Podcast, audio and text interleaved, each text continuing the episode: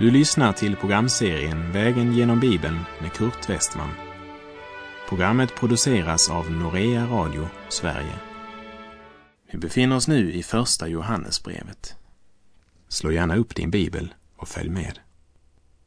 Efter att vi i förra programmet fick en liten introduktion till Johannes första brev ska vi nu börja vår vandring genom denna helgedomens helgedom bland Nya testamentets skrifter. Ett brev som leder Guds barn genom trons rika skattkammare in i gemenskapen i Faderns hus. Och som överskrift över första kapitlet kan vi sätta Gud är ljus. Och direkt under denna stora, kraftiga överskrift finner vi brevets inledning. Därefter så ska vi höra Johannes berätta varför han har skrivit detta vittnesbörd. Han säger att det han med egna ögon sett, det hans egna händer har rört vid, om livets ord är det han vittnar. Och som jag nämnde i förra programmet så har Johannes bland annat skrivit för att bemöta den villolära som börjat få ingång i församlingen genom gnosticismen i dess olika skepnader. Och det vill han göra genom att fokusera på Kristus. Johannes talar om Jesus som livets ord, det vill säga som den genom vilken Gud förmedlar sin frälsningsuppenbarelse. Han påminner om att Gud har talat till oss genom sin son. Vi läser i Johannes första brev kapitel 1, vers 1. Det som var från begynnelsen, det vi har hört, det vi med egna ögon har sett, det vi skådade och med våra händer rörde vid. Om livets ord är det vi vittnar. I början av Johannes evangeliet så beskriver han Jesus med följande ord. I begynnelsen var ordet och ordet var hos Gud och ordet var Gud. Han var i begynnelsen hos Gud. Och denne han, det är Jesus. Den Jesus som Johannes i början av sitt första brev kallar för livets ord. Johannes har själv vandrat tillsammans med honom, sett honom och vidrört honom. Det är den personliga erfarenheten som talar. Och det är Jesus han talar om. Vilken Jesus? Den Jesus som var från begynnelsen. Alltså den Jesus som är av evighet, före all tid. Den preexisterande Kristus som avlade all sin härlighet och blev människa, blev en av oss. Eller som han uttryckte det i Johannes 1.14. Och ordet blev kött och bodde bland oss och vi såg hans härlighet, en härlighet som den enfödde har av Fadern och han var full av nåd och sanning. Hans existens började inte i stallet i Betlehem. Och när Johannes säger vi såg hans härlighet refererar han till stunden på förklaringsberget. Jag citerar Matteus 17, vers 2 och 3. Och han förvandlades inför dem. Hans ansikte lyste som solen och hans kläder blev vita som ljuset. Och se, Mose och Elia visade sig för dem och de samtalade med honom. När Johannes säger det vi har hört, det vi med egna ögon sett, det vi skådade och med våra händer rörde vi, då ska du veta att det handlar om något mera än ett flyktigt ögonkast. Det handlar om tre års vandring tillsammans med Jesus, dag och natt. Och lägg märke till att han först säger det vi med egna ögon sett Och sedan tillägger han det vi skådade. Det grekiska ord som översatts med skådade, det betyder egentligen att dröja vid, att noggrant iaktta, att studera. Och det är inte vad andra vittnat om honom han studerat, utan han talar om den Kristus han själv med sina egna händer har rört vid. Det är ett ögonvittne som skriver Johannes första brev. En man som fysiskt har berört honom som är livets ord. Fysiskt berört den uppståndne. Personligen så tror jag inte bara det var Thomas som stack sina fingrar i Jesus årmärkta händer. Jag tror att alla Jesu lärjungar har vidrört den uppståndne. Därför var de också så säkra på att Jesus verkligen var uppstånden, att de nu var redo att ge sina liv för Jesus. Vi läser Johannes brev kapitel 1, vers 2. Ja, livet uppenbarades. Vi har sett det och vittnar om det och förkunnar för er det eviga livet som var hos Fadern och uppenbarades för oss. Johannes förkunnar det eviga livet, säger han. Och när han ska förklara det eviga livet närmare säger han det eviga livet som var hos Fadern. Det vill säga, det är Jesus han talar om. Det eviga livet är en person och den personen är Jesus. Nämn mig Jesus, han är livet. Han är min rättfärdighet. Han för mig sitt liv har givit mig förvärvat salighet. Intet annat än alena Jesu nåd, förtjänst och blod kan från all min synd mig rena, göra saken för mig god. Milde Jesus, nådens källa, du mitt liv, min salighet. Låt i domen för mig gälla din förtjänst och helighet. Ja, livet uppenbarades. Vi har sett det och vittnar om det och förkunnar för er det eviga livet som var hos Fadern och uppenbarades för oss.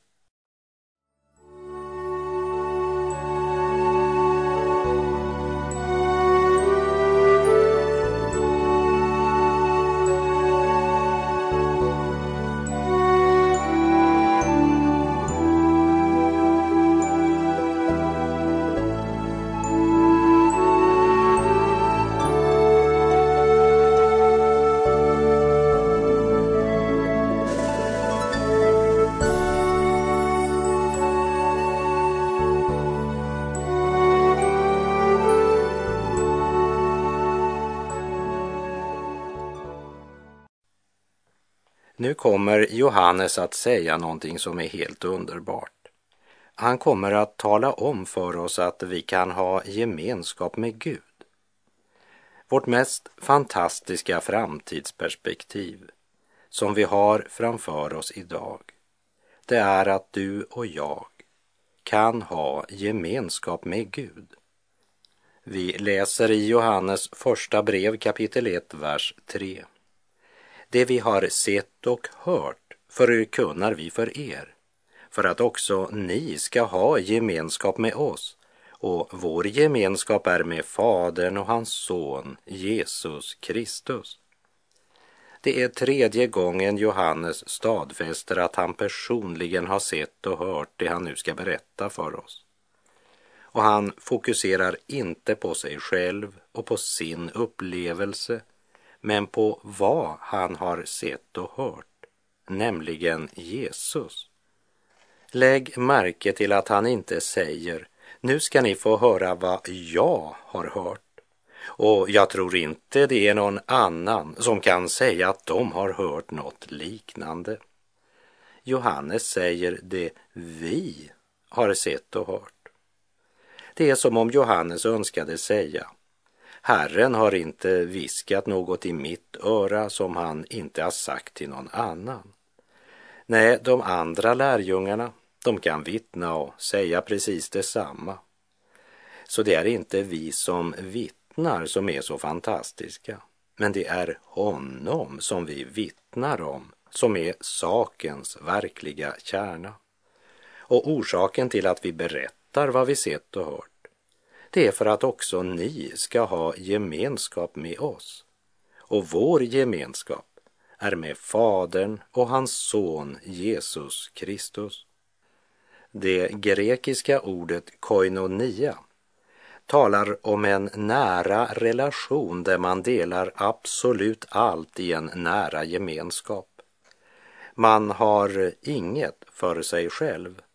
Gemenskapen är total och ständig. Det är inte någon paus i denna gemenskap. Armen och handen följs hela tiden. Handen måste sitta på armen för att kunna uträtta något. En avhuggen hand kan inte utföra några uppgifter. Och Jesus uttrycker det så här i Johannes 15.5. Jag är vinstocken, ni är grenarna. Om någon förblir i mig och jag i honom bär han rik frukt. Ty utan mig kan ni ingenting göra. När Johannes säger för att också ni ska ha gemenskap med oss så säger det oss att det Johannes talar om det är inte bara något som gäller Jesu apostlar men det gäller lika mycket brevets läsare. Det vi har sett och hört förkunnar vi för er för att också ni ska ha gemenskap med oss. Det vill säga, det ges ingen gemenskap med Gud och ingen delaktighet i det eviga livet utan den grund som kallas för vittnesbördet om Jesus. Och då talar jag inte om vilket som helst prat om Jesus, men om det vittnesbörd som vilar på den apostoliska Kristusförkunnelsen. Det är inte all gemenskap som är ordets och den helige Andes gemenskap.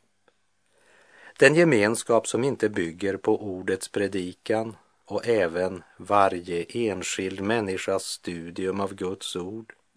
Det är inte en gemenskap med skrifternas Jesus, utan bara religion. En dyr klenod, en klar och ren, oss unnats här att äga. Den pärlor, guld och ädelsten ej på långt när uppväga. En skatt, den yppersta på jord, vi får vår egen kalla.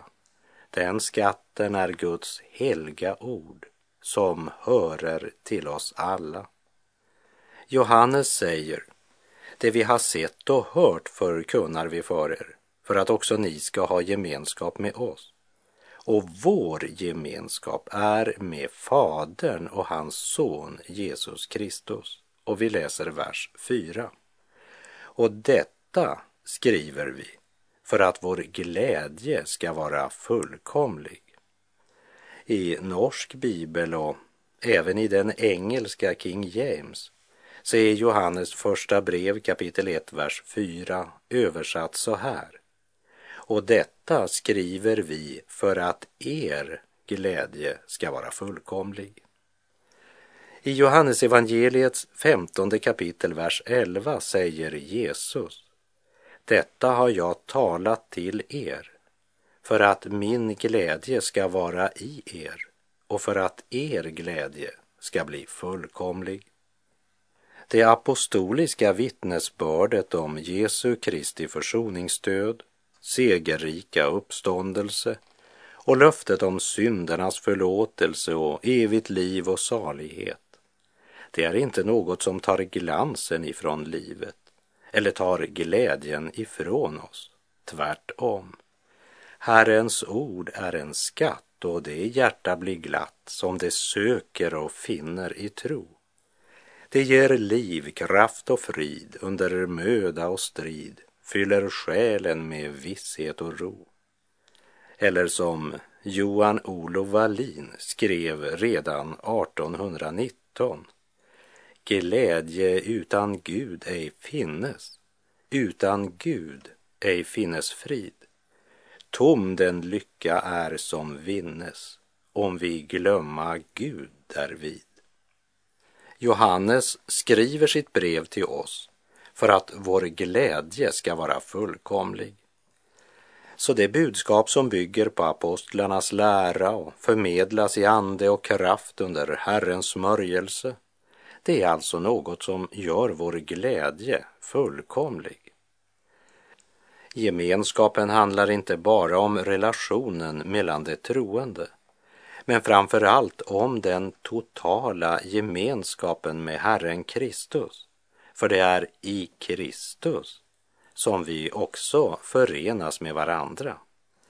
I Filipperbrevet 3, verserna 9 och 10 så talar Paulus om att bli funnen i Kristus, inte med min egen rättfärdighet, den som kommer av lagen, utan med den som kommer genom tro på Kristus, rättfärdigheten från Gud genom tron. Då känner jag Kristus och kraften från hans uppståndelse och delar hans lidanden genom att bli lik honom i en död med honom i hoppet om att nå fram till uppståndelsen från de döda. Gemenskapen innebär alltså också att dela Kristi lidanden. Vi behöver lära känna Kristus och kraften i hans uppståndelse. Vi behöver uppleva frälsningen som ett mäktigt genombrott i vår inre värld och bli helt gripna av Kristus. Där Guds ande på ett levande och förnimbart sätt tar vårt hjärta, vår tanke och vår vilja i besittning. För om inte det sker kan vi inte heller av hjärtat säga jag vill lära känna Kristus och kraften i hans uppståndelse och dela hans lidanden. Och utan att vi delar allt med Kristus blir aldrig heller vår glädje fullkomlig. Låt oss aldrig glömma att kristendomens symbol är ett kors, inte en lyxfåtölj. Jag vibrerar av spänning inför tanken på att vandra genom Johannes första brev. Varför? Jo, därför att Johannes säger att det han här skriver om, det skriver vi för att vår glädje ska vara fullkomlig.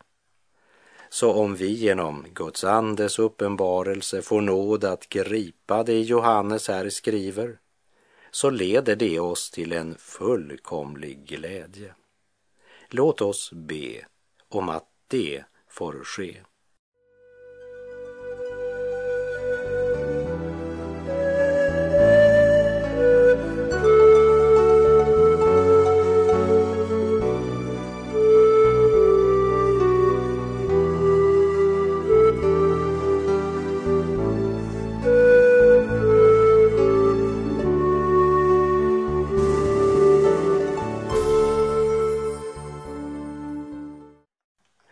Att eh, tro evangeliet betyder inte bara att man håller det för att vara sant, men att tro betyder att budskapet får en konkret konsekvens för vårt liv och vår vardag. För Johannes går teologin eller läran och vardagslivet hand i hand, som de två spåren på järnvägen. Och det återspeglas även i det här brevet som han har skrivit med den målsättningen att vår glädje ska bli fullkomlig. Möjligheten för oss människor att leva i gemenskap med Gud är ju den mest fantastiska möjlighet som erbjuds oss i livet. Men löftessolen som förkunnar att vi får leva i Guds närhet, leva i gemenskap med Gud, skyms plötsligt av ett stort dilemma som möter oss i vers 5. Detta är det budskap som vi har hört av honom och förkunnar för er. Att Gud är ljus och att inget mörker finns i honom. Det finns inget mörker i Gud. Det vill säga, han är helig, fullkomlig och ren, medan både du och jag är syndare. Hur ska det då kunna byggas en bro mellan det oändligt stora svalget som skiljer syndaren från honom som hatar synd? Det sker genom att Gud försonas. Gud är försonad i Kristus. Försonaren har givit sitt liv i ditt och mitt ställe. Synden som skilde dig och mig från Gud är nu försonad, borttagen. Det ligger en underbar sanning i orden. Gud är ljus och att inget mörker finns i honom. Vårt mörker kan aldrig fläcka ner Guds renhet. Men Guds ljus kan skingra vårt mörker när vi i Kristus tar emot Guds gåva. Vi läser vers 6.